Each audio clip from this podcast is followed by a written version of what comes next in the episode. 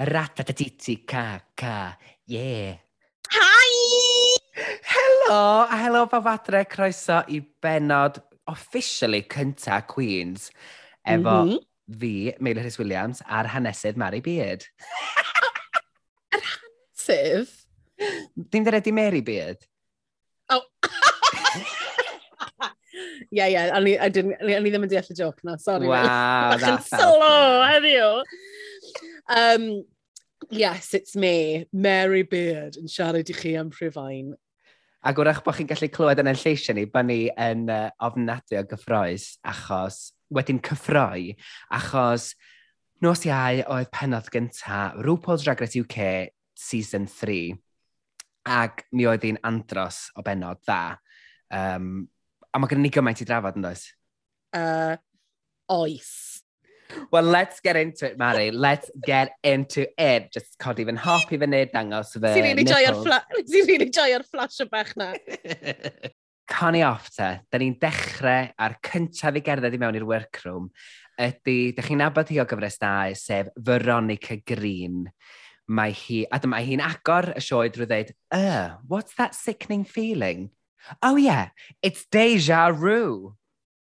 Dyn mae rai fi ddeud e, chwarae teg, mae, mae Lucky, boed o'n, boed o'n fwriadol neu beidio, yn llawn references. Ydy, ydy mae yn llawn references. Dyma mi ddweud beth i'n gwisgo yn ta. So, fra, ffrog glitter i gwyrdd, mae di peintio mm. chroen yn wyrdd, mae gen i'r talons coch, hmm. wig mm. really nice, uh, melyn lawr at ei sgwyddau. 1940s, sy'n ni'n yeah. gweud. Mm. Oedd o'n look tot iawn, doedd. Ac chwarae teg, mae wedi contro'n dda iawn efo'r make-up gwyrdd. Nes i ddim, o'n i... Nes i ddim licio'r make-up, o'n i feddwl, on i meddwl bod na ddim digon o'r gwyrdd arno fe. Oedd e bach yn... Oh, Simon so gweud, Simon gweud face paint. face paint byddai'n gweud, Meilish. Mae'n teimlo fel, o, oh, o, oh, rho layer arall arno. Ond ti'n meddwl, mae'n teimlo fel, achos fel, yn y theatr fi wedi gorfod peitio fy ngwyneb i, i sort of fod yn lliw, gweda fel gwyn neu rhywbeth. A mae angen ti'n ddio lot ohono fe, mae gen ti lot o arfer i wneud e, a mae jyst yn teimlo fel, fi'n gallu gweld lliw dy groen di, Veronica. Okay. Ac o ran y references yn ei sôn dan yno, mae gen ni'r mm. What's that sickening feeling? Mae hwnna'n reference i Wicked. What's the, what's mm. the feeling? What's there in? A wedyn mae gen ti, mae RuPaul, uh, hoff ffilm RuPaul ydi Wizard of Oz. Um, mae Wicked Witch of the West, mae, mae di atgyfodi ah. yn ôl. Ah. Ac hefyd, de, o ti'n gwybod hyn, nes i ddysgu yn y thoswythau iawn, ti'n gwybod lle mae'r gair alphabet di dod yr enw am y Wicked Witch of the West? Na. Y person a sgwennu'r llyfrau Wicked, y llyfrau Wizard of Oz, enw oedd yeah. L Frank Baum. L Whoa. Anyways, moving swiftly on i'r ail queen sy'n dod i fewn i'r stafell yn ei ffink, sef hmm. Kitty Scott Claus. A mae hi'n dweud, it's all right, boys. Kitty don't bite. Not now she's been fed. Meow. Yna'n weird, yna dda. E? Oedd e'n weird. Oedd, a nath e'n ei fi dim yn bach o'n, ww. Wel, i'n beth sy'n digwydd? Pan mae'n beth? A, e lot. Mae'n llawn ceg. Oedd, oedd yn lot. Ac oedd ti'n mynd down ag on ac oedd yn mynd fwy weird wrth fynd ymlaen, yn dweud. Be o ti'n meddwl o'r look? Er, oedd hi'n gwisgo sort of yr um, blond bombshelly Jackie O bron y bod, yeah. Pamela Anderson eto-esque, pink sort of pillbox. Be di'r ffilm Never Ace Witherspoon? Um, Uh, legally blonde. Le a very legally blonde. Mm, doedd, very uh, legally blonde. Fatha'r peplum power suit pink mm, a mm-hmm, riban mm. pink. O'n i'n meddwl bod o'n very polished, oedd o'n gofiadwy. Se ti'n deud i'n unrhyw, ti'n bod honna di gwisgo'r pink yn dod i fewn y blonde wig. Se ti'n cofio mm. hi'n beset. Mm -hmm. um, mm-hmm. yeah, no complaints. O'n i'n meddwl bod o'n very well put together. Cytuno, nes i really licio'r look. A be oedd actually neis iawn, achos wnaethon ni wneud um, podledu'r wrthos diwetha am Meet the Queens a, a cwrdd o'r Queens yma. Be sy'n neis ydy gweld nhw yn y sefyllfa yma pan maen nhw gyd yn dod mewn. Pwy yw'r un sydd yn sort of siarad, pwy yw'r un sy'n neud i bawb deimlo'n gyfforddus. So, fi'n meddwl mm. nath Kitty oedd hwnna o'r dechrau, yr un oedd yn sort of siarad gyda pawb yn eitha agored ac eitha, yn neud popeth yn eitha hwylus, ti'n gwybod? So fi'n really excited i weld be arall mae'n dod. Dwi'n meddwl fydd hi'n soundbite queen, uh, un o mm. soundbite queens yr er gyfres yma. Mm -hmm. Um, moving on i River Medway. Mm-hmm. Mm. Uh, mae gen i gymaint i ddweud am hon nes ymlaen. Uh, River Medway yn dod i fewn ac yw catchphrase hi oedd The river is here, come take a dive. Siml, to the point. Ac mi oedd hi'n gwisgo jumpsuit oren efo fatha'r flair mae'r wylod bob coes. Ac oedd yr, oedd yr uh, breichiau fatha wedi cael ei wneud allan o strand glân, ta ti'n dweud fatha pwffi mawr glas? nath Kitty Scott Claus disgrifio fe fel gwallt Rosie yn gym. Nath hwnna rili neu fi yma, i fod honest i ti, achos mae oedd e'n edrych fel yr sydd y gwallt puppet na oedd ganddyn nhw. Um, on, neu, neu, fel mop, mae e'n... Yeah. Oedd e'n eitha... Oedd e'n eitha weird look, ond nes, nes i licio fe, yn enwedig y gwallt eto. Mae, mae, oedd hi'n gret yn Meet the Queens gyda'r gwallt hefyd, ond, um, ond oedd y gwallt yn remindio fi, was, tyd, very reminiscent o um, Manil Manila Luzon. Oh, ie, ie, ie, ie, ie, A dim achos mae'n mae asiaidd, ond genuinely, oedd y look a'r silhouette yna yn rhywbeth bys hi wedi gwisgo, fi'n credu. Ie, yeah, a nath i wneud yr outfit na i hun. Mm -hmm. Gwneud licio'r manylion yna fo, yr rhinestones ar hyd y zip yn y canol, just mhm. manylion bach ofnadwy o dot. O'i mm -hmm. chorin i'w sawdl yn amlwg, di'n meddwl am bob dim, da. Mm. Ymlaen yn ni i Scarlett Harlett ddod i fewn yn deud, RuPaul's Drag Race what a load of old shit, sydd wrth gwrs yn quote o raglen Catherine Tate. Um, wig mawr oren, frog 60 style mewn leopard, leopard skin, leopard print, mm -hmm. da.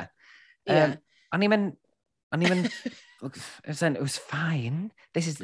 Oedd ti'n meddwl beth hwn ydy'r argraff gyntaf ti eisiau gwneud, a ti'n gwisgo... So, Mae'r ffrog tu allan i drag race, sef dwi'n fabulous. Mm. Fatha entrance i chdi ddod i fewn, a hwnna ti'n dwi'n gwisgo ni. Oce, okay, oce. Okay. Fi'n anghytuno, Meilir. Okay. Achos o'n i'n meddwl, twyd, o, be nath i ddangos, oedd i make-up hi yn berffaith. Oedd. Um, a hefyd, oedd hi'n neud, oedd hi mewn ffordd syml wedi dangos i ni be, beth yw steil hi o drag.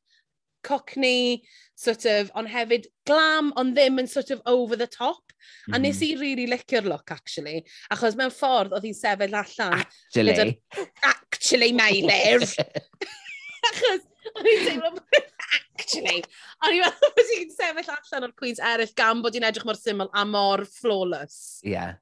Actually, Meilir. Digon teg, mi oedd hi'n edrych yn flawless. Ac mm. o'r eiliad, ti'n fe'n licio fynd, nath i'n ei reference i Divina de Campo ar gyfer ddwytha, nath i fynd, But they dweud bod gen i two octave vocals. How wait, me, I'm coming in with my two octave vocals.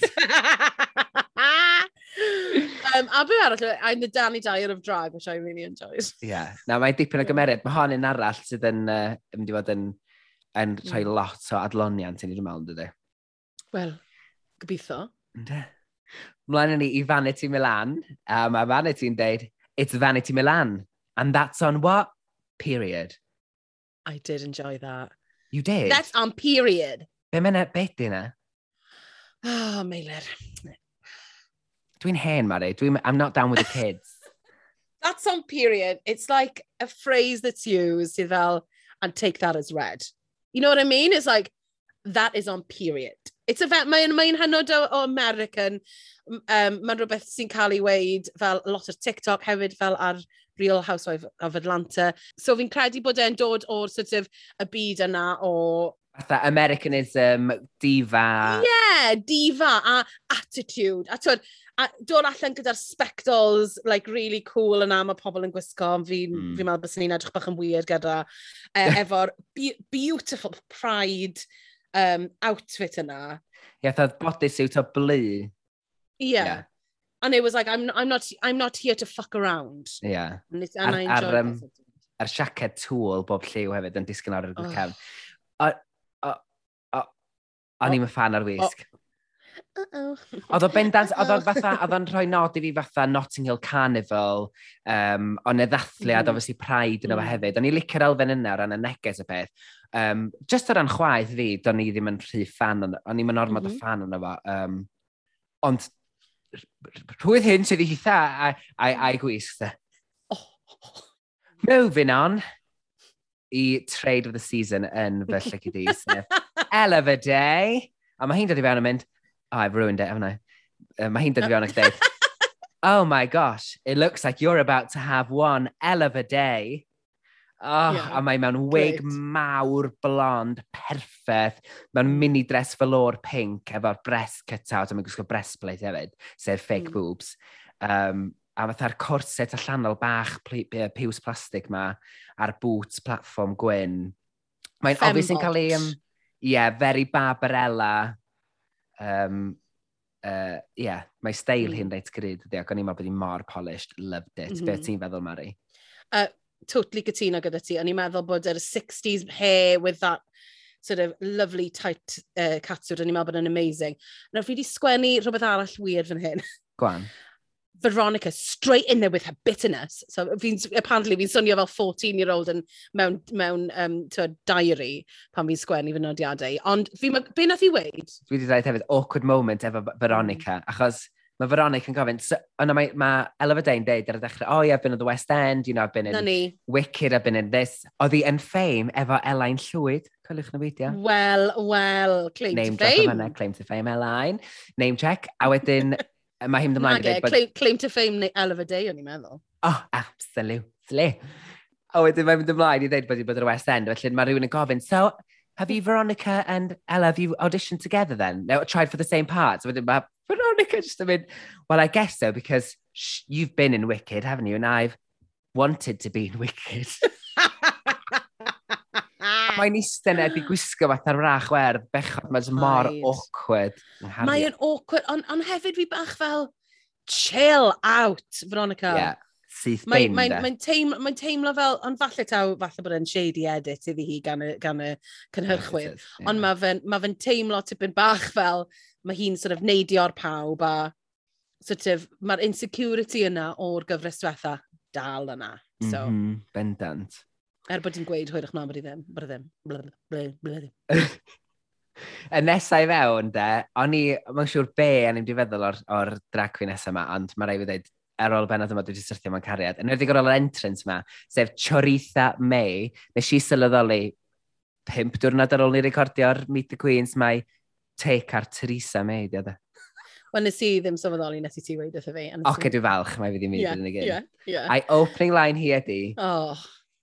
Don't hate me because I'm beautiful. Hate me because I'm an anim. Oh, I've... oh. Inimini. Ruined it again. Because I'm an imini.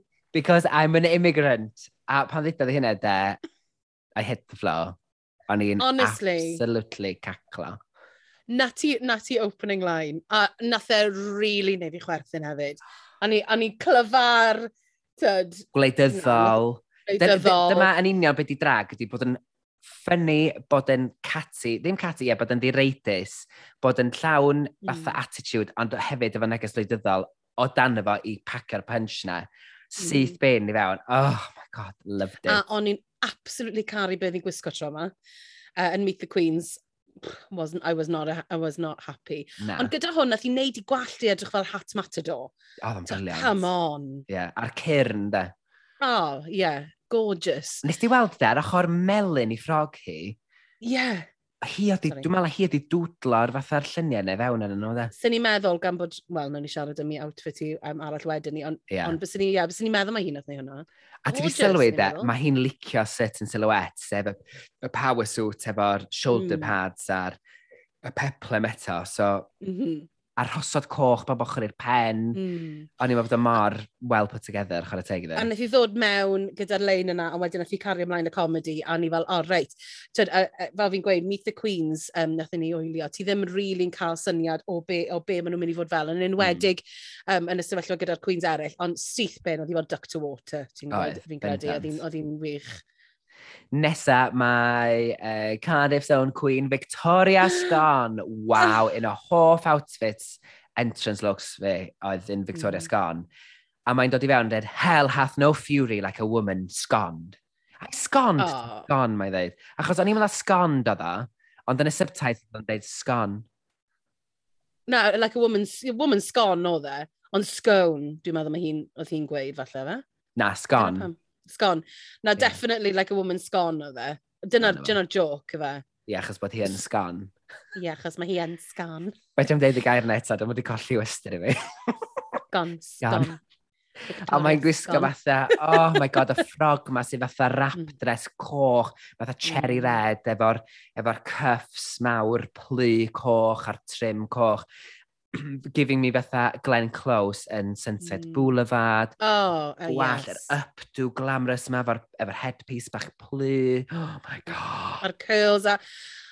Wel, fi'n meddwl bod yr outfit yma'n un o'r outfits entrance gore um, fi erioed wedi gweld. Achos, ma, achos un o'r pethau mae hi, pethau, un o'r pethau mae hi'n neud yn dda hefyd ydy cael silhouette.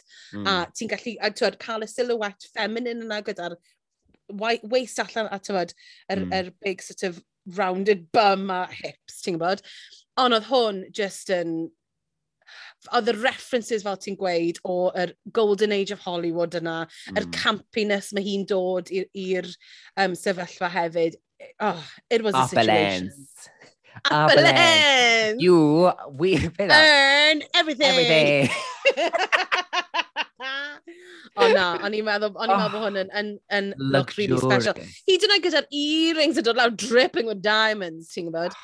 A'r pink yn y wig, ie. Yeah. Right. Really, really gorgeous. A dwi yn meddwl de, fydd hi, fyddai'n sioc os na gyda hi'n gwneud Kim Woodburn yn y Snatch Game, achos mae'n siarad yn debyg i Kim Woodburn yn barod, dydy? Yndi.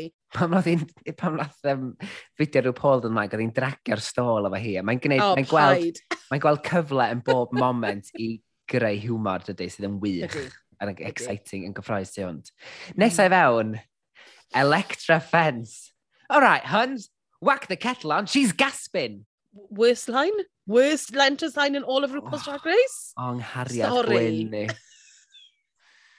Ar, ar look, oedd hi'n gwisgo um, bodysuit efo cutout treloio di ag y wig blunt bob acid green neu acid yellow yma efo'r blunt fringe. Um, Ac, ac, ac, ac ti'n fatha'r classic thing na fatha, doedd yr catsuit neu'r bodysuit ddim yn dod yr holl ffordd lawr at y trai. Gen ti just y brec mae rhwng yr heel a gwylod lle oedd y catsuit mm. yn gorffen. Hmm. Mae'n llawn charisma, mae'n llawn cymeriad. Mae'n, uh, so mae gen i hyn a charm, does? Mm. Um, Oes. A mae'n, mae hefyd, mae'n mae five for two. Efe dim joc oedd hwnna eto, achos... Na. Achos drethau, o'n i ddim... O'n i, na, so, mae o'n five for two. So mae'r un taldra fi, a fi'n fyr. Ti'n gwybod, so... Sa'n gwybod beth yw'n hwynt i gyda hwnna. Pan byddwn i'n gael hyn o Ond... pocket rocket step a di'n tiny. Mm. Ie, yeah, a ti'n gallu gweud, mae'n, mae, mae, mae, mae, fel ti'n gweud, mae'n llawn egni, mae'n llawn sort of, this sort of Yorkshire charm. A, um, ond yn anffodus, Ond anffodus, dyw e, the, the look was not. Ddim yn gret. Digon teg, dwi'n cytuno fo chdi. Nesau i fewn i'r stafell mae Anubis ac y ffordd ydoedd nath Anubis benderfynu dod i fewn oedd The Queen of the Pyramids has arrived, but darling, I ain't no Giza. Yeah. Glyfar, champen, ie. Yeah. Oedd o ddim yn laff at lawd, oedd o fatha, oh yeah, Da wan. na, na union beth oedd e. Oedd e fel, aaa. Na beth oedd e. Oedd e ddim yn... Oedd e'n, aaa, right. Yeah.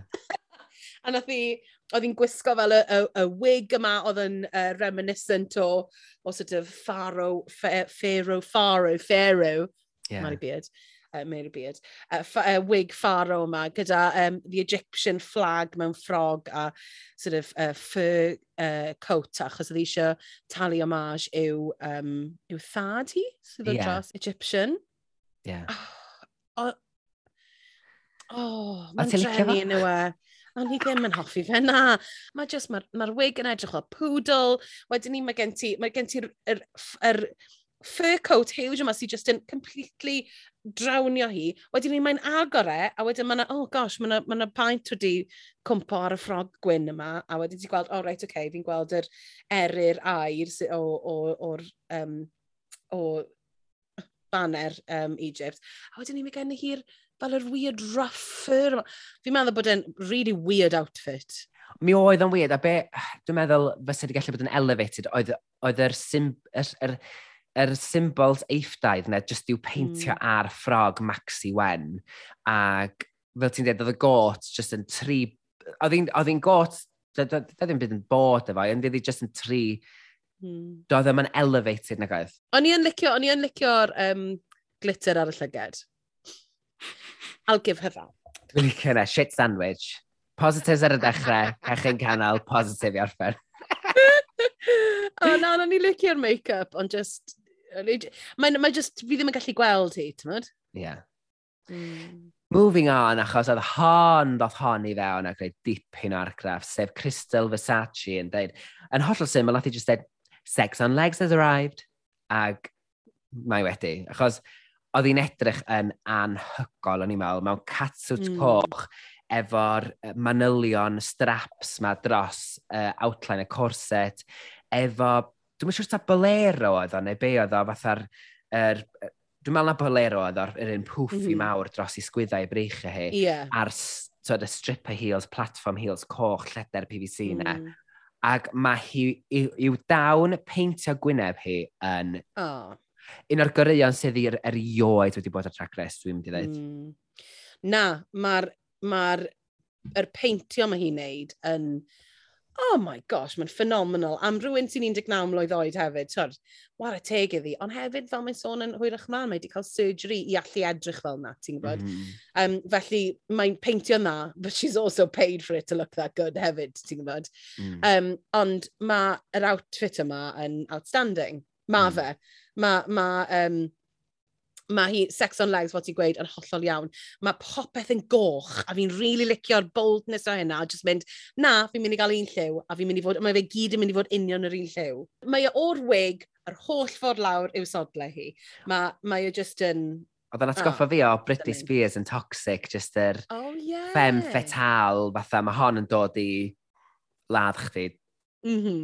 yn ofnad, mewn ffordd ofnadwy sexy. Mm. Ond un peth ei weid yn dan ni ydy, fi'n teimlo weithiau, mae'n edrych yn amazing, ond dim byd yn mynd mlaen tu ôl y llyged tipyn bach. Ah, okay. Hynny o, fi, fi ddim yn gweld, fi ddim yn gweld personoliaeth yn dod trwyddo o hwn. Right. Yn bersonol. Sex on legs. Yeah. Dwi'n am rili'n really gweud yn byd wrth ei ar wahanu fi'n really, fi'n really bert, and I know that.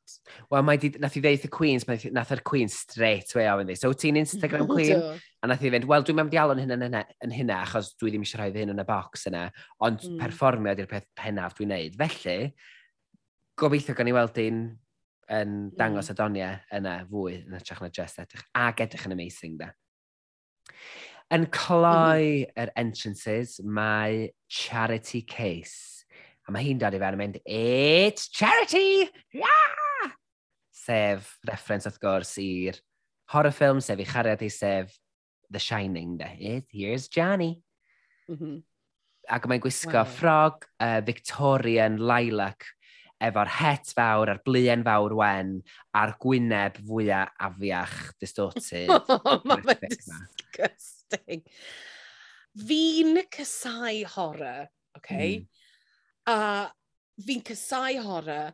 Pan nes ti weld hi'n dod lawr, ni fel, charity case hwnna. Cyn fi, I didn't need to know anything, o'n i'n gwybod mae hi o dde. A mae yn amazing. Mm. Fi, twyd, fi'n casau horror, I hate it, but my god, mae fe'n wonderful. Ti'n gwybod? Mae'n eitha mor dda, dydy. Oh my god, does na neb arall erioed wedi gwneud rhywbeth fel hyn. Ti di cael Spooky Queens, ti di cael um, uh, Sharon Needles gyda'r gwaed yn dod lawr i, i, i neu gwaed di yn dod lawr i chegi, ond ti ddim wedi cael full out and out horror o'r blaen. A as a person who's not a fan, fi'n caru hwn. a fi'n caru hwnna'n dipyn, mae hwnna'n dipyn o gefnogaeth yma na ti'n caru. Mm, na, fi'n gwybod. Fi, na, fi, ddim eisiau, adar... fi ddim eisiau gweld beth mae'n dod lawr y runway efo, ond I, on I can't wait for it. Ti'n gwybod? En, Fel yn i ddweud, na i ladrodd beth ydy sy'n yr bennod gynt, yn bennod Meet the Queens, Mae rhyw Paul yn licio gweld cymeriad rhywun yn gry a'i diniweidrwydd mhm, nhw'n dydy? Mm -hmm, a bod nhw'n dangos vulnerability. Felly, dwi fydd o'n ddifur gweld os fydd hi'n llwyddo i ddangos i chymeriad hyfryd hi, da ni wedi gweld yn y VTs, a mm. tra ar mm. rynwe, achos dwi'n meddwl fydd rhyw Paul yn colli mynedd fel arall yn reit fuan os nac ydy hi'n yn, um, dangos i'w phersonoliaeth fwy mm. diniwed iddi, ti'n ba? A y peth yw fi'n meddwl bydd hi'n bydd hi'n gallu gwneud hynna yn yr acting challenges dyn ni gyd sy'n gwybod, yn gwybod sy'n dod. Ond gyda'r runway a gyda'r gyda entrance look yma, o'n i'n meddwl, gosh, mae hi wedi rhoi stamp i hun ar hwn. Ni'n gwybod pwy yw hon. Yndi. Mm. A mae'n, fel ti'n deud, mae'n unigryw iawn o fewn y criw o Queen sydd yna fyd ydy. Yndi. Wel, ar ôl i'r Queens gael cyfle bach i sgwrsio, da ni'n clywed yr Woohoo! Her Majesty done already done had her thus. Mother has arrived. You know, they say that three is the magic number, but tricks are for kids. So if you want to snatch that season three crown, you better bing, bang, bong, that ding, dang, dong. So literally just reference i'r ffaith na season 3, dia. Ie, yeah, a bing, bang, bong, ding, dang. Chos chi'n cofio? Chi'n cofio'r hit? Bing, ie, yeah, ie, yeah. yeah, diolch, diolch rhyw wedyn mae'r gliciad yn mynd a pwy sy'n dod i fewn, gliciad y drws a pwy sy'n cered i fewn, ond rhyw Paul mewn siwt borffor plwm ac scarf piws. a mae pawb yn sgrechian yn ei weld o'n cered i fewn, a mae pawb yn falch i weld o. Um, a dyn ni'n cael rhyw cici bach rhwngtho fo ar Queens. Ac wedyn, um, ma, da ni gyd yn gwybod, wel, a Stefano rhyw Paul, mae o'n caru dit i charades. Pan oedd e ddod lawr yn yr outfit yna hefyd, ni fel, gosh, mae di newid ar sort of, y dechrau pan oedd wedi gwisgo fel dentist, essentially, efo'r suits yna. A nawr, man, he, is, he is the gay uncle I always wanted from the 60s. Absolutely. Mae'n edrych am, uh, beth yna fa? Groovy Baby. Austin Powers. Yeah, Austin Powers! ydy mae, ydy iawn um, a wedyn, da ni'n mynd ymlaen, sy'n lot i ddeud lot am y game dirty ti yma. Yr unig beth sy'n sylwi ydy, mae rhyw Paul yn licio pobl sy'n just yn cymryd y mic allan o bob dim. Mae yn licio silliness, gwirionde pyr, dydy. Pan mae'r pethau ridiculous yn digwydd, dyna pryd mae rhyw Paul yn chwerthin, a dyna sydd fel arfer yn gwneud iddo fel licio chdi, ynda. Oh my gosh, yeah. gweiddi chwerthin hefyd. A, a nes i really mwynhau Victoria Scone yn hwn o'n i'n meddwl fi mor ffynnu. I ddechrau, pan oedd hi just fatha cerdded i fyny at y, at yr, at y bowlen, just hilarious. Yn cwmpo ar y llawr mewn ffordd. Hilarious. A wedyn ni, ond na un bit, a ni'n really, a ni'n really chwerthin pan oedd hi fel, pooping, Jesus pooping, mother pooping. Oedd e Mary, po Mary Poopins oedd e. And nath just hi'n mynd, pooping, mother pooping. What? Oedd e just oedd e really gael fi. Oh, gosh oh, beth arall oedd gael fi o Veronica Green, methu cyfri chwe gair. Love her. Oh. Oedd hi, dwi'n meddwl oedd hi gymaint yn ei ffen, a dwi'n meddwl bod hi'n nerfus iawn y benod yma'n dod yn ôl, yn gwybod fatha, oedd hi on the back foot, oedd hi wedi gorfod, oedden ni'n iawn yn y yn benod Meet the Queen's Mary, doedd hi ddim wedi cael lot amser na, oedd ganddi lot o bres mm. i hmm. baratoi'r gyfres, gyfer, y gyfres yma, a mae'r nerves yn dangos, dydy. A set newydd o Queens dydy ddim yn nabod, mae'n gorfod dod i nabod eto, mm. mae'n gorfod gosod ei stamp eto, mae'n gorfod So, mae, e, mae siw bod hi'n nacred creduras, dydy. Ta waith. E, symud ymlaen rwan, dyna ni sioc dyn ni, da ni'n mynd syth fewn i Elimination Day, ac yn yr preamble cyn yr ynwyd, da ni'n cael chydig bach o sgyrsiau fatha am Crystal mm. Versace, amdan yr cosmetic procedures mae wedi gael ar, ar gyfer enhansio i gwyneb er mwyn gwneud i'r coler edrych yn fwy effeithiol. River Medwyd wedi colli mham, pethefnos oh. cyn ddi gael galwad bod i'n mynd ar drag race. A un bit nes i ffeindio, ond ni'n meddwl bod yn really lovely, oedd pan oedd nhw bus ofyn i Victoria am wyt ti'n iawn efo'r gwahanol genders yn y stafell yna. A oedd e jyst yn teimlo fel bod, uh, bod Anubis jyst yn checkio, checking in i weld bod, mm. bod tyd, hi yn, yn gyfforddus. O'n i'n meddwl, na, na, what a lovely tone yeah. to set, ti'n gwybod? A chwarae teg, mae uh, Vanity Milan yn barod di uh, sefydlu hyn fel person reit galon gynnes, a ddi'n sgwrsio mm. fo hmm. Charitha May amdan y ffaith bod hi wedi symud yma, bod hi cariad car, cariad trwytha bellach yn byw yn Sbaen, a nath i obsetio Drian ag... Ond ty be, oh. I mean, o'n i'n meddwl, god, oedd hi'n, oedd hi'n, mae basically, watcho hi fel watcho pawb ar ôl y pandemic yn mynd, oedd hi'n really anodd, ti'n gwybod? Yeah. A o'n i'n gweilio fan i fel, yeah, fi'n gwybod, I know that feeling. Fi'n gwybod y teimla yna o bod rown pobl eto, ond hefyd bod yn hollol overwhelmed bod rownd gyda pobl eto. A ni'n meddwl bod e'n moment really, really touching, actually. Dan, dan, dan, dan, dan, dan, bara, dan, dan, dan, dan, dan, dan, Si'n neud yn ei syniad a countdown. Dan, dan, dan, dan, dan, dan, dan, dan, dan, dan, boing. Be ti'n feddwl o ffrog rhyw Paul yr un biws a di yma? Um, fine. Fi'n yeah. licio, mae'n mae, mae dangos i choesau dyddi yma, which mm. we hmm. all love because she's got the most wonderful legs. O'n i'n meddwl bod yn iawn, o'n i ddim fel, oh, Cos weithiau pan mae rhywun dod lawr y runway, fi fel, oh, god, that's taken my breath away. Ond oedd hwn yeah. fel, great, lovely, da iawn, yeah, good job. Dim CGM felly tro yma? Dim, dim na, mae'n ddigon yn ddigon. Ai ti a poeni, mae'n ddigon yn CGM yn blydi dod, Meilir. O'n i'n meddwl ar gyfer y darn yma, de so mae'n haws yn ni fatha yn siarad am y Queens, am ddau, dwy look Queen yr un pryd, lle bod ni'n dod yn ôl ac yn bownsio'n ôl mlaen, achos mae'n gymaint ohonyn nhw. Yeah, yeah. So, ni ddechrau efo dau, dwy outfit Victoria Sgon. Y gyntaf yma oedd y cennin peder anferth yma, y leggings gwyrdd glittery, efo'r petalau mm. mawr melyn. Waw, nech di ffordd i agor yr enwau. Mm. Ac oedd ti'n gallu dweud pawb ar y panel. O, oh, mae Matt Lucas hefyd ar y panel efo Graham Notes yna, mm -hmm. a mhm. Michelle Visage. Um, ond nech ti ffordd o agor yr enwau ynda. Oh, oedd yn amazing. Yr, yr bit, yr trwmped o'r um, uh, daffodil, bron fel rhyw plastic, rough, amazing. Ie, yeah, war y teg iddi. O'n i'n meddwl bod hwnna'n really beautiful look a yn, yn really cynrychioli sort of, tyd, Cymru. Ac hefyd... Ffordd, ti'n bod? Caerdydd hefyd. Adeg yeah. y gêm, ti'n bod efo'r pennau daffodils neu... And, in, yeah, definitely, na, Fi gytuno. A wedyn oedd yr ail look, um, sef my favourite thing. Um, dyna be oedd y brief, a her favourite thing, be oedd cakes.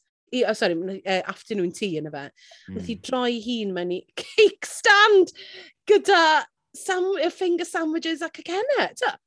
Come on.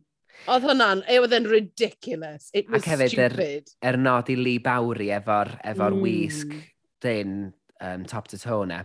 Um, Dwi'n mynd i fod yn controversial fan hyn. Oh, Connie, here we go. So ni di licio gweld mwy o bethau ar y cake stand, achos oedd yr oedd yr body suit a'r, ar levels oedd wedi gwneud, a'r, ar mm. wig oedd yn troi fewn i'r hook, sef top y kickstand, mor impresif, a wedyn gen ti'r peder sandwich ar, ar y silffoedd. Ac ni'n meddwl fatha, se ti di gallu troi ffen fewn i cupcake rhwng y silffoedd, so ni'n licio gweld tyd, jam yn diferu dros yr ochr, o'n i'n meddwl fatha, mm. oedd yr, yr dyluniad o'r kickstand mor impresif. Mm. Ond ni'n meddwl bod y silffoedd wedyn bach yn wag. Fi'n deall beth ti'n gweud, ond ar yr un pryd, nath i ddim neu fi'n sort of drist bod e ddim mwy o stwff arno fe. So nath o neu fi golli'n bach o charm. Oce, okay, digon teg. Ond mae hwnna, dwi'n bod yn ofnadwy panicative fan hyn am, am outfit oedd yn anhygoel. Reit, so wedyn ni mae uh, Katie Scott Claus yn dod mewn um, a i hometown look hi oedd Birmingham yn efe mewn brown body suit, brodio siwt. Mae'n brown bodysuit uh, gyda siacet byw sef o lining air, belt arian, beige tights gyda ankle boots gwyn, container o laeth arian efo chocolate ynddo fe, a um, wig brunette. O'n i'n meddwl yn edrych yn neis arni hi, mm. y hmm. brunette wig. Neis bod i wedi newid yr er wig yn barod, mm. o fod yn hmm. felyn mm. i fod hmm. yn frown. Um, Oedd y look yn ffain. Beth ti'n meddwl? Oedd y lliwian, oce, okay, debyg i fatha Cadbury's chocolate, yr, er, yr, er, yr er porffor ar yr jacket, yr belt mm. foil, a'r er, er, er can, er can llaeth, fatha handbag on the right camp. Mm. Uh, it was nothing to write home about, oedd o'n ffain. Os bys hi ddim wedi gweud Birmingham a chocolate, sa'n meddwl bys ni wedi gwybod beth oedd yr outfit. Na. A fi'n, weithiau mae hwnna'n iawn fel ni'n mynd i weld yn hwyrach mlaen, ond oedd hwn, nath e ddim roi unrhyw wybodaeth i fi, nath e ddim wneud fi chwerthu, nath e ddim wneud fi fynd gom hwn yn beautiful. Didn't spark joy, na dda. Na, didn't spark, didn't spark joy, no. Um, a wedyn ni, yr ail look nath i ddod, ei hoff beth i oedd ABBA. ABBA. ABBA. Yna really Ew, ABBA. Um, a fi gwisgo mini dress gwyn efo trim glas, llewis hir, um, gyda yr headband glas yna, boots above the knee, uh, gwyn, gyda microphone bach a earrings a, a'r, ar gwall sort of uh, blond yna nôl. Be o ti'n meddwl o'r look yma, Meilir? Os wyt ti'n mynd aba ag dod ar yr enwau, os wyt ti'n dewis thema, mae yna ddisgwyl i chdi elevatio fa. Ac dwi'n meddwl bod pobl abau hunain di gwisgo pethau fwy extravagant na hyn. Felly i fi, doedd hwn ddim yn drag version o abba, oedd o just yn, oedd o fatha um, fancy dress da o rhywun yn abba. Fi'n cytuno gyda ti cant y cant. O'n i'n, o'n nes i fe'n, be? A wedyn hmm. ni, a, eto, o'n i angen esbonio to aba o dde, achos pan ti'n meddwl am aba, ti'n meddwl am flares, ti'n meddwl am... Mm. A fi'n deall bod hwn, obviously, yn look specific mae hi wedi referencio, ond nath e ddim, fel ti'n gweud, nath e ddim wneud o'n elevated, ni ddim yn meddwl, a ni ddim yn cweith... Just, dyna'r look ti wedi dewis, ond y hoff beth yn y byd. Mm. Really? Okay. Nesaf ar y llwyfan oedd Ella Day, ac uh, yr wisg gynta oedd o fatha gwisg late 60s, doedd achos yn y deud ar y placad 1968, mm -hmm. ac oedd ei gwisg cyn cynrychioli i'w chartre hi lle... Um, Dagenham. Dagenham, wrth gwrs. Mhm. Frog, mm. go-go, retro girl, efo siaced las. Mae hwn yn dipyn o thema ran ei gwisg i a'i, ai thas, ti'n dydy. Y wig glas efo'r flic ar y gwaelod, a'r headband, um, arwydd protest o equal pay um, ac oedd gen i ffog horn i llaw. Wedyn nath i, ac, nath i droi'r arwydd rownd ac oedd yn dweud, we want sex! A wedyn, yeah, touch bach neis, i agor i jacket ac oedd yn dweud, equality. Oedd yn touch bach rili neis. Ti roed i gweld y ffilm yna, um, Made in Dagenham? Na ddo. Dwi wedi gwylio fe blynyddoedd yn ôl, a nath hwn rhoi coen, troi'n gwydd i fi. O, CGM! CGM cynta y uh, diwrnod, ah. achos... Pa, pa, pa, pa, pa, pa, pa. um, ond oedd y neges uh, political tu ôl iddo fe mor grif a mor lyflu. A oedd y ffilm yna yn... yn nath e really neud, twyd, symud fi a oedd y 60s glam yna mor glamorous. A nes i really, a ni'n meddwl, na neis. Mm. Nes i really hoffi fe. A fi fed, ac dwi heb weld y ffilm, a mae'r ffaith bod fi wedi gallu deud yn syth o dda, be oedd y wisg, Ac oedd e just y, mm. joke, y jokes bach eto, just yn codi fo, yn neud o'n bach yn campi, yn neud yn lot fwy elevated, oedd yn, o'n i licio hynna. Uh, peth arall oedd yn neis oedd i ail wisg hi, sef yr ffrog oedd yn hit ar llawr yma'r Pride Progress flag. Oh, yeah. Oedd o fatha hanner bodysuit a hanner ffrog, a wedyn efo clogin mawr, ac oedd bob tamed o'r, or wisg yn cynrychioli gwahanol liwiau o'r fflag newydd Pride sydd yn cynnwys y gymuned ddu a gymuned o lew a'r gymuned uh, intersex hefyd. Mm -hmm. um, oedd y wig yn llawn lliwiau'r enfys hefyd, oedd y boots yn ni haig yn arian, a'r jewels pink ma. Um, fe ti'n dweud bod o'n un o'r hoff outfit si, ond do'n i ddim yn casau o, ac o'n i'n meddwl bod y neges, weithiau mae'r neges yn bwysicach, ac os oedd mm. ti'n di wneud pride flag, I guess dyma dy ffordd i wneud o, da.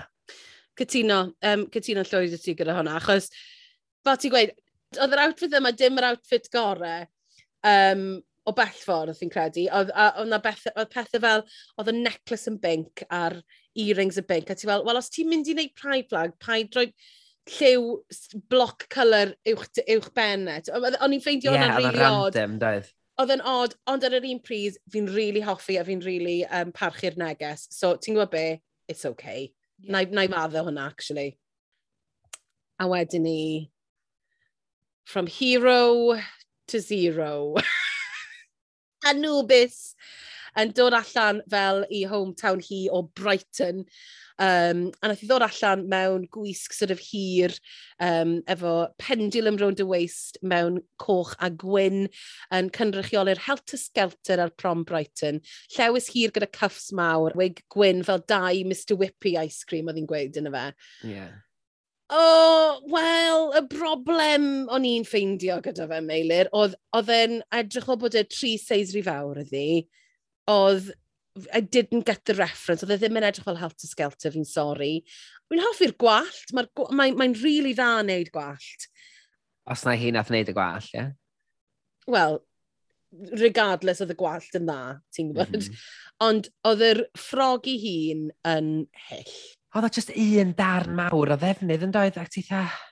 Dwi'n mynd dweud oedd yna peplem ar y canol, ond oedd hwnna, oedd hwnna i fi'n fwy'n edrych fatha um, high top uh, pabell syrcas. Doedd ddim yn rhoi helter skelter. O, I guess mm. oedd helter skelter, ond fel ti'n deud, wrth edrych ar y wisg na, swn i wedi gallu deud mm. be oedd hi'n. Swn i wedi deud wrach traeth, wrth swn i wedi deud pabell pension duty, ond mm. swn i mm. wedi deud necessarily, o, oh, Brighton ydy hwnna. A wedyn ni, wrth gwrs, yr ail runway, um, favourite thing, uh, squid. Um, a nath i ddod allan mewn fel frog sequins dress, um, frog sequins copper, gyda net drosto fe. A oedd hi wedi siapio i wig, o'n i'n meddwl neitha e impressive, mewn i siap squid. A gen i hi, um, nath i weid, nath i weid, and there was ink dripping down, the ink was dripping down my face, and nath i just sort of neu cwpl yn yn allar i gwyneb hi'n edrych, edrych fel Wyt um, ti'n meddwl bod hi wedi ffeindio'r wig a di mynd, oh, do you know what, this is quite an impressive wig. I'll do, I'll, I'll say that a squid is my favourite thing. na, fi, fi honestly yn meddwl, nath hi, mae hi sydd wedi wneud y wig yna. A fi'n meddwl bod y wig i hun yn incredibly impressive, Yndi. ond nath hi ddim meddwl bellach na'r wig, sa'n credu. Na, nath hi'n meddwl digon. Hefyd, be ni'n ffeindio'n od yw, mae'n edrych fel goldfish, dwi ddim yn edrych fel squid nath o'n neud i fi neidio allan o'n, on set, nath o'n neud i fi fod yn gyffroes i weld i'n dod ymlaen, a mae hynna'n bechod mawr, achos ti isio bod yn gyffroes yn gweld yr, y Queens ma'n enwedig yn y benod gyntaf yn dod allan, mm. a ti isio nhw mm. gyffroi chdi yn does. Pam ti'n rhoi hig hwnna gyferbyn na uh, Victoria Scone, di gwsgymnu eitha kickstand er mm. enghraifft. Mm. Mae'n anodd wedyn tyd, um, amddiffyn yr, yr, yr outfit yma'n dydy. Mm. O'n i ddim yn cysau e, ond oedd nath o ddim symud fi. Cytuno fach di. Symud ymlaen i uh, River Medway. Wel, yn y hoff momenta, y, y benod gyfa i fi, oedd pan ddoth River Medway allan, mewn gwisg debyg i Peter Pan, a ddi mewn fatha blow sgwyrdd, efo scarf jac jacket a shorts gwyrdd le mei, oedd fatha efo'r shine yma iddo fo um, weg wedi steilio fatha con traffig oren a gwyn a boots heels bach. Ac oedd hi just yn sgwt, wel, beth nath rhyw pol alw fan, boot sgwtio, fatha'r sgwt ma, a'r hyd yr enwau just yn llonydd efo'r efo efo pose ma, y sefy, er, er sefylliad ma, lle just yn pwyntio. Ac oedd rhyw pol yn caclo, ac ti'n gwybod os ti'n neud i rhyw pol caclo, ti'n saff, that mm -hmm. you're going to mm-hmm. be okay. Ac o'n i'n caclo'n uchel yn, yn gwylio hi neu hyn. so oedd mor ridiculous, oedd o'n mor wirion. Mm. Um, oh, oedd o'n joyous, o'n i'n meddwl. A achos eto, nath i esbonio ni beth oedd y reference. Unwaith ges i'r reference, I got it straight away. Ond, yn wahanol iawn i Kitty Scott Claus, o dim ots da fi bod fi ddim yn gwybod y reference i hwn. Achos nath yn un peth, mae'r wig yna, come on. Mae hwnna'n ridiculous o wig, a mae'n amazing. Tyd, real, sort of, dyna, this is what drag is. Neu'n hwyl am ben stwff fel hyn, ti'n gwybod? A o'n i ddim yn poeni beth oedd y reference. Yn unwaith ges i'r reference, o'n i'n licio fe hyd yn oed mwy. A hefyd, nath i wneud y presentation gwych yma, nath wneud ni gyd chwerthin, a nes i really, really fwynhau hwn. Mm, fel ti'n gweud, un, un, un, un, un o'r adegau gorau yn yr holl episod i fi. Yeah. Ac nesa, What a Fall from Grace, ddoth i allan, mm. achos na cerddoriaeth oedd ei hoff beth i. Oedd hi mewn festop menig ag am pwffs, um, ac oh, rhyw un goes. Ar... Ac efo, oedd y top, oedd y crop top efo'r symbolau cerddorol mae dros efo. Ac dwi'n cytuno, mae'n rhaid dwi'n cytuno efo'r beirniaid, oedd o... Beth? Ge? Oedd na... Borge? Pam oedd... Borge? Borge? Rifer? Bwrci. O'n i fel, oh, god, beth... Fel ti gweud, what a fall from grace, achos oedd yr un gyda mor, mor fun a hilarious. Ond mae fe, on, o'n i'n edrych rhan, i fel, ydy hi'n licio music, achos... Rhwystredig, mae rai fi ddweud. Mm, gytuno. A wedyn ni, wel, Meilir, mae gennym ni uh, Crystal Versace yn dod lawr y runway mewn acid green hooded long sleeve bodysuit gyda'r cawell yna um, o eiddiw a rosod a beige tights yna uh, gyda'r beige uh, heels a gwyrdd. Well, poison ivy, eat oh, your heart out. Gosh, yn un anhygoel. Ar, mm. Eto, ti'n gweld y close-ups mae'n gael gan y cameras, mae'r gyfre, mm. mae'r producers yma eisiau ni weld pa mor painted ydy hon a'i, ai hmm. sgiliau colir hi. A mae'r camera yn caru hi, ti'n gwybod? A mae'n mae, mae, mae peintio hi, actually, yn remeindio fi lot o Raven um, mm. o hmm. gyfres 2 rhyw Paul yn, yn America. So, mae, mae, sort of, mae hi hefyd yn sy'n nawr wneud um, make-up rhyw Paul yn y fe. Mm. A mae hmm. gen ti'r un sort of polish, ond twyd, oh, mae just yn... Ti just yn gallu edrych arni hi fel ti'n dweud, dwi'n meddwl beth sy'n neud o'n mor drewiadol ydy yr manylder, mae'n mae talu mm. sylw i'r manylder i gyd. A tyd, she has the body already already, mm. so pam lai, dangos e off, ti'n tymod. A wedyn ni, yr ail look hefyd, um, y, y hoff beth hi, sef cath, yna fe. Mm. A nath hi ddod allan yn uh, catsuit leopard print efo coleg, colar mawr. Um, oedd yn agor yn really angular a uh, top hood a top hooded D fel cath gyda'r clistiau amazing na. Um, a'r exposed black corset ar y midriff, y cynffon, y strappy heels D a'r necklace uh, collar arian yna. Oedd hi'n edrych fel, ti'n gwybod, yn, yn, yn, ancient Egypt, mm -hmm. mae'r ma, r, ma, r, ma statues na'r cathod, mae'n edrych fel un o'r rhain na sydd wedi sort of come to life and gone, a wedi mynd i London Fashion Week, ti'n gwybod? Mae just oh. Ah. yn anhygoel. Oh, Achos bod yr bodysuit, y catsuit oedd ei wisgo, mm. doedd ddim just yn catsuit, fel ti'n dweud, oedd, oedd yr ffordd oedd yr sgwyddau a'r hod wedi cael ei siapio mm. i fod yn, i gael yr onglau e, just yn creu'r mm. silhouette fwyaf debyg i fatha Grace Jones, twyd yr angles really yeah, um, caled ma, mm. -hmm. o mhm. gyferbyn a'i cholir a'i symudiad ofnadwy o, um, mm. o sleek a fluid hi. Oedd o just yn, o'n eisiau bita hi, oedd hi'n edrych yna'n hygoel. Oh. Nesa ar y llyfan oedd uh, siomedigaeth fwyaf y, er gyfres i fi. Y gyfres y benod. Uh, oh, wow, calm down. I know, right? Veronica Green yn dod allan uh, yn cynrychioli Rochdale. Ga trafferth cadrwyr dan yma. Yn gwisgo yeah. fatha, eh, uh, beth sy'n sy'n alw fo, fatha bodysuit brown efo tutu, sy'n ni'n alw fo, rhyw fath o tutu brown.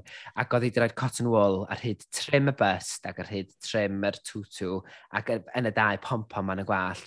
Ac um, oedd yr wisg fod i gynrychioli uh, er, um, Rochdale. er melinoedd cotwm yn Rochdale. Oedd o mor drist. Dwi'n gwybod, Ari, jump on, please. Wel, oedd yn really odd, achos nath i... Oedd yn edrych fel sort of mini mouse gyda'r ddau sort of poofy things yn y gwall. A wedyn oedd gen i hi, oedd gen i hi bron um, uh, freckles ar ei gwyneb, gwynebu hefyd. So, o'n i sort of fel, right, yw e o'n i si edrych arno fe, ni fel, right, yw hwn yn fod yn show, twyd, fel can-can showgirl o'r 50s? A gatho ni mlaen wedyn i'r um, be oedd garu, sef gemau cyfrifiadurol. A ddoth i lawr mewn shellsuit glas, wig gwyrdd mewn side ponytail, efo bymbag a trainers. Yn cydio mewn controller. a sy'n teimlo am hwnna ta? dwi just, mi ddown ni at hyn wedyn. Sut nath hi ddim cyrraedd y gweilod? Eto, dwi'n misio bod yn gas, achos mae wedi bod yn bandemig ac hwn oedd ail set outfit oedd Veronica yn gorau gasglu ac mae'n deud na hwn oedd ydy'r amser cleta wedi gael yn trio casglu'r gwisgo yma. Felly dwi yn cyd yn deimlo, ond o ran yn arwynebol, eto, swn i wedi disgwyl gweld mwy mewn carnifal. Ta rhywun yn gwisgo fyny fatha gamer. gwybod. Ddim ar lwyfan rhywpos Drag Race. Mm. Fi gwybod beth ti'n gweud, mae'n sort of very Comic-Con, not a very good comic-on. Mae'n edrych fel sort of character ar CBBS, no, dim C, no, CBBS, oh. let's face it, tyd, rhywbeth, ITV ar dechrau ITV yn yr 80au, ble yna ddim lot o arian.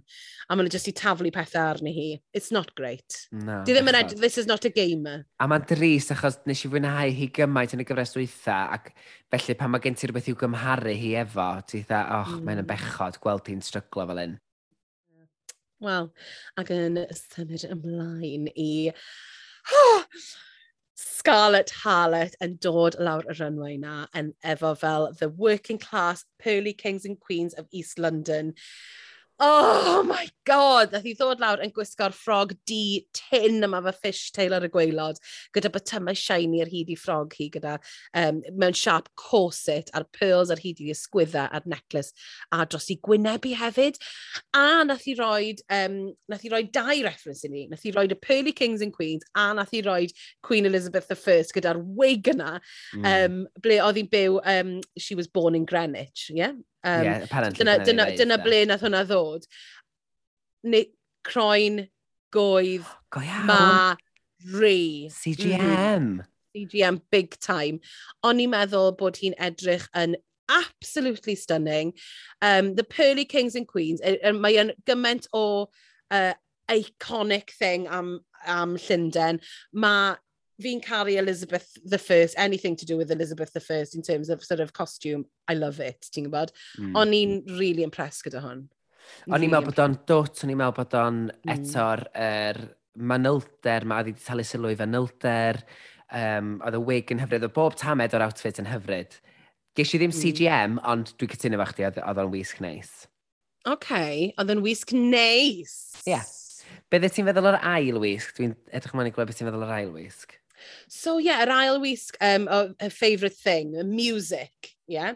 Yeah. Um, nes i, rhywun licio hwn, um, so nath i ddod allan mewn pink sequin crop top gyda pink shoulder poofs mawr, um, gyda er, uh, jewelry neon yna, crimped wig, headphones a cassette player, efo'r um, er, sort of wire yn dod fyny i, i, i beth yw, beth yw coes? O oh, ie, yeah, coes. Yn dod fyny, ei, god, yn dod fyny choes i ac yn mynd tyd, rownd i chorffi. hi. O, oh, nawr dyna sut ti'n neud music and pay attention River Medway. People have come to play. Nesaf yr y llwyfan oedd Electra Fence. Doedd ymlaen i gynrychioli Burnley fel un o'r pit brow girls sef yr merched cyntaf i fod yn loer nhw, son. Oedd hi'n gwisgo'r black leotard ma efo er, chaps di, blows oren, belt di, a wedyn ear protectors efo, efo'r er, er hen fwyell fach ddi. Mm -hmm. Oedd hi'n charming ar y llwyfan yn ei meddwl. Um, eto, dwi'n meddwl bod hi wedi codi'r wisg mae i lle dylia fod i bod o ran bod yn drag oedd o'n fwy fatha. Mm. Y blaen yn y chaps, o'n i'n meddwl yn really random. Um, o'n i, eto, o'n i'n bach dda, ha? Huh? Wel, actually, nes i really licio hwn. O'n i'n meddwl bod yn dangos ochr arall o femininity in a male-dominated world. Dyna yw, nice. yn cynrychioli hwnna. Ond hefyd, o'n i'n meddwl bod ni'n edrych yn fucking sexy. Mm. A it was one of those things, o'n i fel, bys ni'n ni tybio gallu gweld hwn mewn ball mm -hmm. and being a minor realness. Ti'n byd fi'n meddwl, ble mae rhai rhai arall bach, so bach yn wet wed, yn really get it, oedden nhw'n trio yn neud rhywbeth elevated. Ond mae'r outfit yma, fi'n teimlo fel bod e, it is what it is, mm. and I mm. didn't hate it. Nes i really ddim, nes i really ddim meindio fe. Mae'n edrych o bod i wedi bod lawr, lawr um, tyd, yn, y, yn y pit. Mae gwall, mae'r er, um, roots na yn dod drwy oedd yn ddi fel, mm. fel y glo. Yr glo dros i gwyneb hi, a wedyn ni, she had chaps on, which I didn't hate. I yeah. don't know, o'n i'n mymeindio fo. Oedd i'n edrych yn dda, fel ti'n dweud, i'n dawnsio, chos mae hyn y lot yn edrych yma, maen nhw'n deud hefyd, mm. ti'n gorfod gwerthu be bynnag wyt ti'n gyflwyno, a dwi'n meddwl am i hmm. nath i hynna. Um, a dwi'n meddwl dylse'r dwi'n meddwl dylse'r ail wisg ma di achub hi, sef um, oedd i'n licio i hoff beth i oedd partion a'i phen blwydd, a ddoth i lawr mewn fatha ffrog, pastel i sugary, uh, efo fatha rhyw prom dress bach. Ddim prom dress, mm. ie, mm. yeah, fatha rhyw cocktail dress plentyn, um, efo'r leotard top a'r, ar ice, er, er lollipop lliwgar a bod dim. Ac yr unig beth, fel nes i ddweud ar y dechrau, yr unig beth o'n i'n licio oedd yr yr neckline ar y leotard oedd yn neud mm. i edrych yn fwy sgwarn na beth i. Os, os ydi ond yn 5 troedfedd, 2 fotfedd, yna dim yn hogda, dim yn drag queen dal iawn, felly sem rheswm iddi fod yn edrych yn, yn, yn boxing nag oes. Na, fi'n na, fi'n cytuno. O'n i'n meddwl bod e'n really cute, really fun. A, a, a dyna'r peth, e, eto, o'n i fel, o'n oh, yn siŵr pan mae hi yn y gweilod, pan mae gen ti Veronica Green still fighting, ti'n gwybod? Yeah, a o'n i'n licio'r detail gyda yr, er, er lollipop rownd i chegi, yr er glitter o'n yeah. dod off hwnna. O'n i'n meddwl bod yn really sweet. O'n i'n quite yn siŵr pa mae pawb yn cysau e gymaint. Na fi chwaith. Oedd y ddau look, oedd i fi, oedd y ddau look ddim yn awful, actually. Oedden nhw'n iawn. Ie, yeah, cytuno. Byddwn ni wedi gweud safe iddi hi. A fi. Mm, OK, a wedyn y Queen nesaf. Vanity Milan. So mae'r un cyntaf yma um, yn cynrychioli South London gyda'r cwt fawr melyn gwyrdd tŵl yma representing the Jamaican flag. Um, a'i postcodes hi arno fe wedyn ni, fe'n Esu Llundain. Um, oedd gen i hi'r box braid beautiful yma. Um, a mae'n agor y got tŵl yma um, i ddangos string, dress, gwyn, me, e, gwyrdd melyn a di efo'r underwear air o dan fo. A'r heels riban melyn. Be o ti'n meddwl, mei?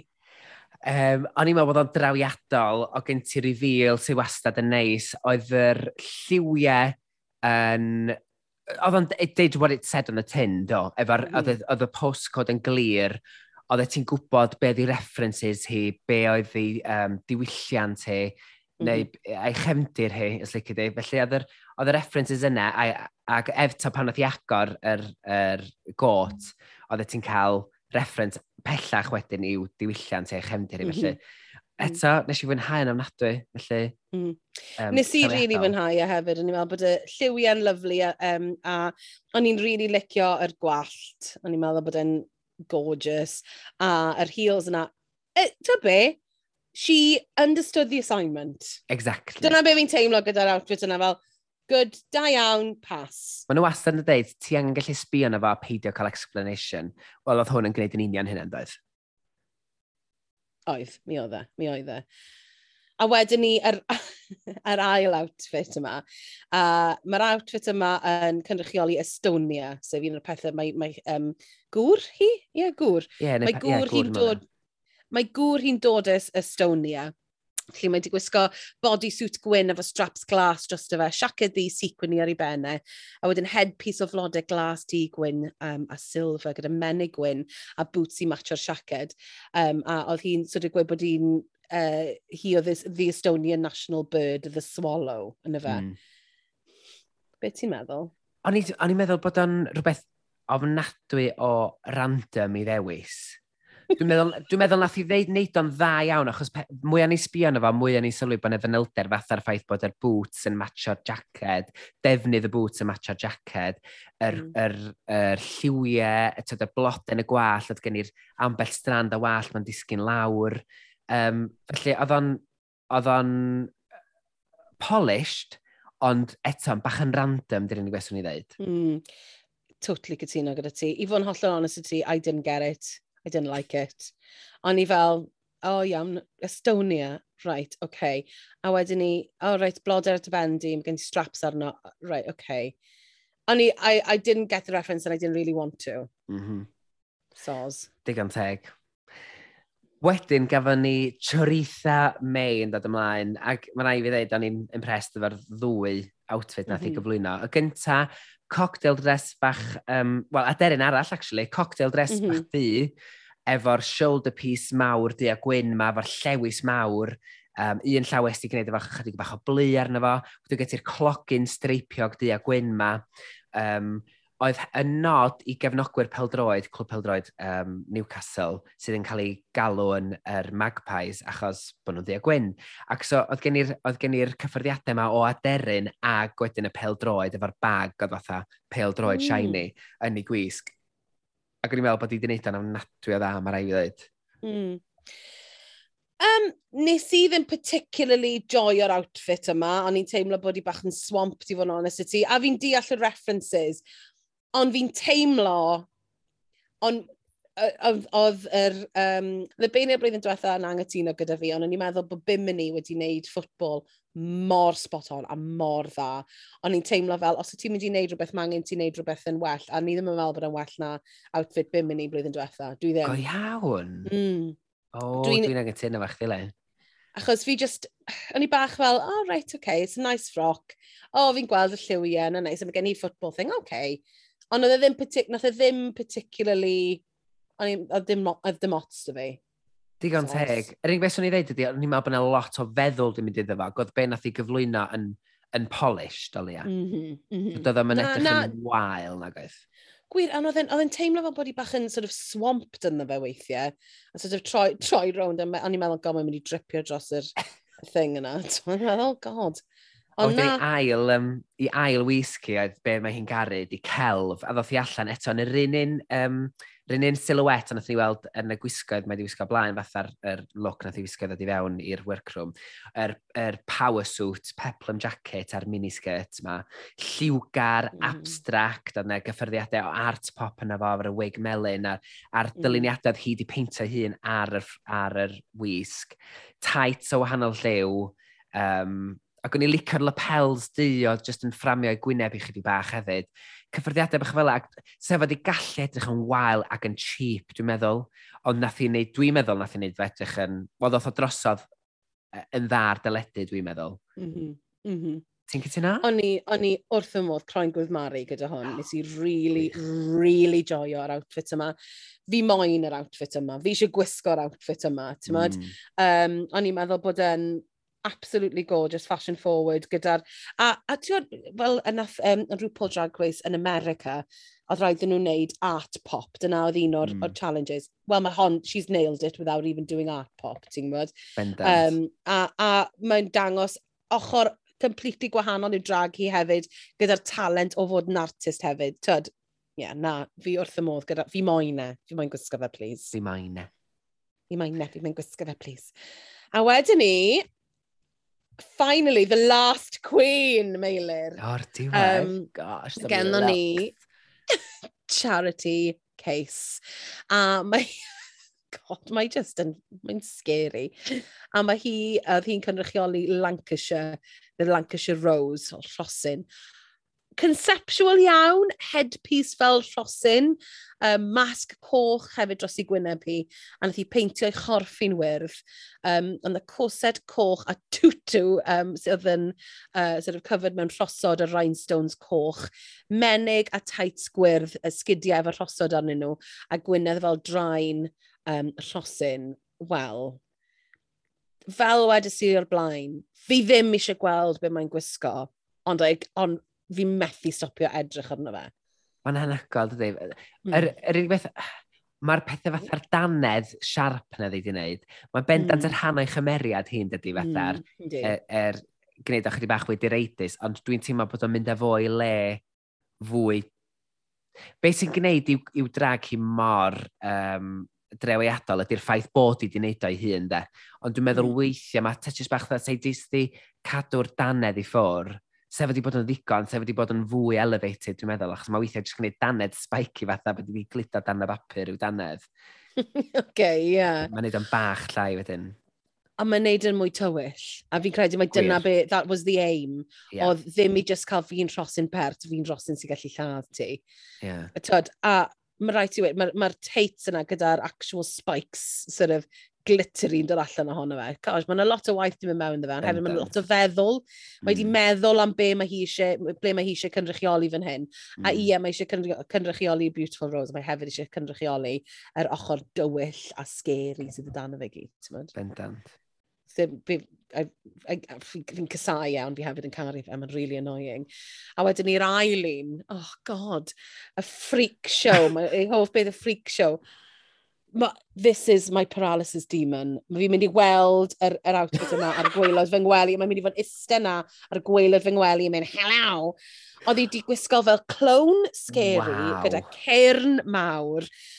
Oedd y sgidiau clown platform melyn, um, coch a melyn, a nath i gael fel Jack in the Box. A ni fel, nath i fynd, and now I'm going to have a Jack in the Box. A mae'n sort of troi, a ni fel, fi ddim eisiau gwybod beth sydd ti fewn. O'n i'n genuinely meddwl bod fi'n edrych fel ar horror film, a wedyn mae'n popio allan a Willy oedd yn hwnna ni'n chwerthin. Bid you well penis? Oh, Bid you well penis? A oedd hwnna instantly neu fi fynd, ha ha ha ha. A oedd hwnna neu fi chwer... Ha ha ha ha, fel o'n i'n Hwnna instantly neu fi chwerthin and put me at ease a little bit, achos mae e'n terrifying yr outfit yna.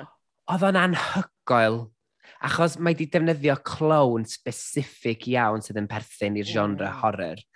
Ac be oedd yn gres, fel ydych chi'n dweud, efo'r bejeweled penis yn yr Jack in the Box, oedd oedd o just yn neud, oedd o just yn dangos ei chymeriad hi, oedd o'n dod ei humor lot sgafnach hi fewn iddo fo, oedd yn um, kind of yn cymryd y mec o'n ei hi hun hefyd yn doedd. Oedd yn mm. gyffyrddiad bach ofnadwy o neis, a dwi'n meddwl nath yr er, nath rhyw Paul werthfarogi hwnna, dwi'n meddwl. Wel, oedd o'n chwerthin. Mm -hmm. Oedd hi'n chwerthin nerth i fen. yeah. mm. Ond hefyd y ffordd mae'n cerdded lawr ar performance yna. Mm. Oh, sa'n mae'n gweld beth mae'n neud wrth nesaf fi methu aros, Meilir! Wel, dyna'r looks i gyd o runway, a wedyn dyn ni'n cael clywed beirniadaeth yr, hmm. yr beirniaid. A'r rhai sy'n saff ydy Kitty Scott Claus, Ella mm -hmm. Day, Veronica Green, Vanity Milan, Charitha May a Charity Case, sy'n gadael Victoria Sgon a Crystal Versace yn y top, Anubis, Electra Fence, River Medway a Scarlett Harlett yn y gweilod. Wel, ie, yeah, yn y gweilod o Scarlett Harlett, da. Doth i fewn yeah, a, we a wedyn nath yeah, Anubis benderfynu yn yr untuck nath Charity Case benderfynu mynd amdan Scarlett Harlett er bod hi'n y gweilod, do, deithi bod hi'n digon da. Am, Am ddim reswm, sori, o'n i'n meddwl bod hwnna'n really mean. Dwi'n meddwl um, oedd hi just yn chwerw bod hi ddim yn y top, doedd, basically. Well, a, a fair enough, actually. Yeah. Ond dwi'n meddwl... Ddim bai Scarlett oedd hynna, ddana e? Na, gyda'n bai Scarlett oedd hwnna. Ond ti'n gwybod, it happens, though, yn yw e? ti'n mynd yn mm. grac efo'r person wrong. Ond fi'n credu bod e yn criminal bod um, charity case ddim yn y top. A o'n i'n meddwl bod Theresa May ang, yn deserve to have some critiques o leia. Mm. Achos mae'n teimlo fel, o, oh, oedd e gyd am, am y bottoms, really. Mm. Um, it always is. Um, it always is, baby! Wel, dwi'n dwi meddwl, dwi'n meddwl dylse Veronica Green fod wedi bod yn yr gwylod. Like, dwi'n na i ddeithio oh, na wan, dwi'n meddwl bod o'n, dwi'n meddwl bod o'n anhygoel bod nhw wedi gallu just gadael hi fynd a bod yn... Hyd oed, yr ffaith bod hi'n saff, mm. oedd yn... Eto ddim eisiau bod yn gas, just o ran cymhariaeth efo pawb arall, dwi ddim yn dal sy'n bod hi ddim yn y gweilod. A wedyn ni, ar ôl i ni gael y critiques yma i gyd, ni'n cael gwybod bod ni'n cael dau lip sync. Oh! Mor satisfying. Oh, mor right. satisfying. Achos un o'r pethau fi'n fi, n, caru am All-Stars yw ti'n cael gweld the two top queens going for it, ti'n Yeah. A gethon ni the top lip sync o Victoria Scone a Crystal Versace yn canu i Bonnie Tyler, Total Eclipse of the Heart. Oh! oh. Chwarae teg na. E.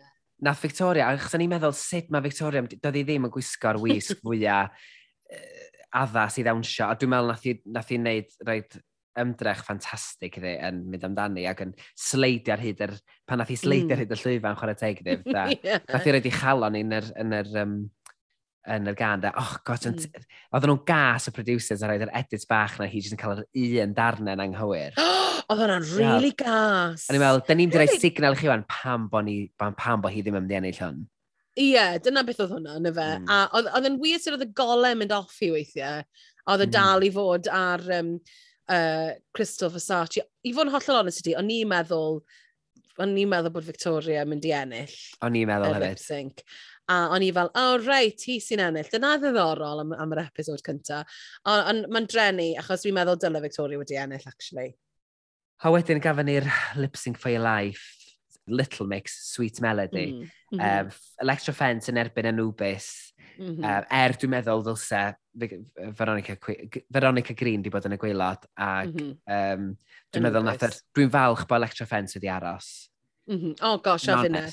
O'r ddwy, dwi'n meddwl na Electra Fence oedd yn hyddi aros. Er bod Anubis di adio lot o hiwmor i'r gan um, yeah. ac di wirioneddol di cwffio, mae'n bechod gweld hi'n mynd mor ddian yn y gysadleuaeth. Be nes i, o'n i'n really teimlo dros Anubis yn y bit yma, achos fi'n meddwl bod e'n lack of experience hefyd, ond be nath i wneud, oedd sort of nath i trio matcho'r un egni Electra, Electra Friends, oedd yn taflu hun dros y llwyfan. A wedyn ni, oedd hi'n sort of, o na, fi'n comedy, a oedd hi ddim cweith yn siŵr be i wneud yn, y, yn y lip-sync yma. So weithio oedd hi'n joinio mewn ac yn trio dawnsio, wedyn oedd hi'n bod yn, yn, yn, trio bod yn ffynnu. So bron fel oedd hi'n trio dal lan gyda hi trwy amser, a yeah. nath hi byth dal lan efo hi. Achos nath Electra Friends yn mewn a mynd, fi'n gwybod yn union beth fi'n mynd i wneud, fi'n mynd i wneud bob tro be fi'n neud bob tro, sef taflu fi hun dros y llwyfan a cael ffyn a neud e, ti'n modd. Yeah. A o'n i'n teimlo bod yn wbeth she was not in the moment, oedd hwnna'n real drenu fi fi'n credu. Mm. And Anubis was sent packing. Sashay away e, Anubis bach. Sashay a cyn i fynd, dda ddi, well, well, the queen of the pyramids didn't last very fucking long, a ffwr a hi. Nes i really fwynhau hwnna. A fi'n yfed, chwarae teg. The queen of the pyramids That didn't last very fucking long. Oh, oedd hwnna'n very funny line. Oedd, a gorffa'r ffordd clasu o adael fyd. Felly, mm -hmm. gobeithio gan i weld mwyr hen hyn a niwbys yn y dyfodol yn pwy awyr. Yeah. Bechod. A dyna ddiwedd y benod gyntaf, Mari. Oh, Wel, sa'n gallu aros. Mae'r gyfres yma yn mynd i fod yn clas, fi'n credu. Fi'n meddwl bod, bod pob un o'r Queens yn mynd i ddod o rhywbeth ffyn. Yndi, a mae'n lot o gymeriadau cry yma, a dwi'n methu aros i weld be fydd wythnos nesaf efo'r dasg o fod yn um, uh, instructors ymarfer corff, uh, dwi'n methu aros i weld hwnna, dwi'n meddwl bod yn hilarious. Oh my gosh, sa'n gallu aros chwaith, a fi hefyd yn meddwl bod yn mynd i fod yn shit show, I can't wait. Os ych chi'n cytuno neu yn angytuno gyda pethau ni'n gweud, wel, cysylltwch â ni, gad ni wybod. Dyn ni ar uh, Instagram fel at Queen's Pod, ar TikTok ac ar Twitter hefyd. Um, felly, os chi'n hoffi fe, subscribe, Deudwch wrth eich ffrindiau, ynddo? Deudwch Please, gadwch, yeah. gadwch chi bobl wybod bod ni'n gwneud hyn, achos, fel ti'n dweud, just maru fi sy'n wrthi, felly mae unrhyw gefnogaeth yn ni'n yeah. gwerthfawrogi'n ymwneud. Chi moyn bod yn ffrindiau ni. Chi mae'n bod yn ffrind. Chi moyn bod yn ffrind ni, ie? OK, wel, dylenwch ni a stwff, mae'n gret. dylenwch ni a gweithwch wrth pawb o'n i'n gwneud hwn. A diolch o galon i chi am wrando. Da ni wir yn eddol yn gwerthfarogi. Felly, welwn ni chi wythnos nesaf. Royalty Queen. Royalty Queen.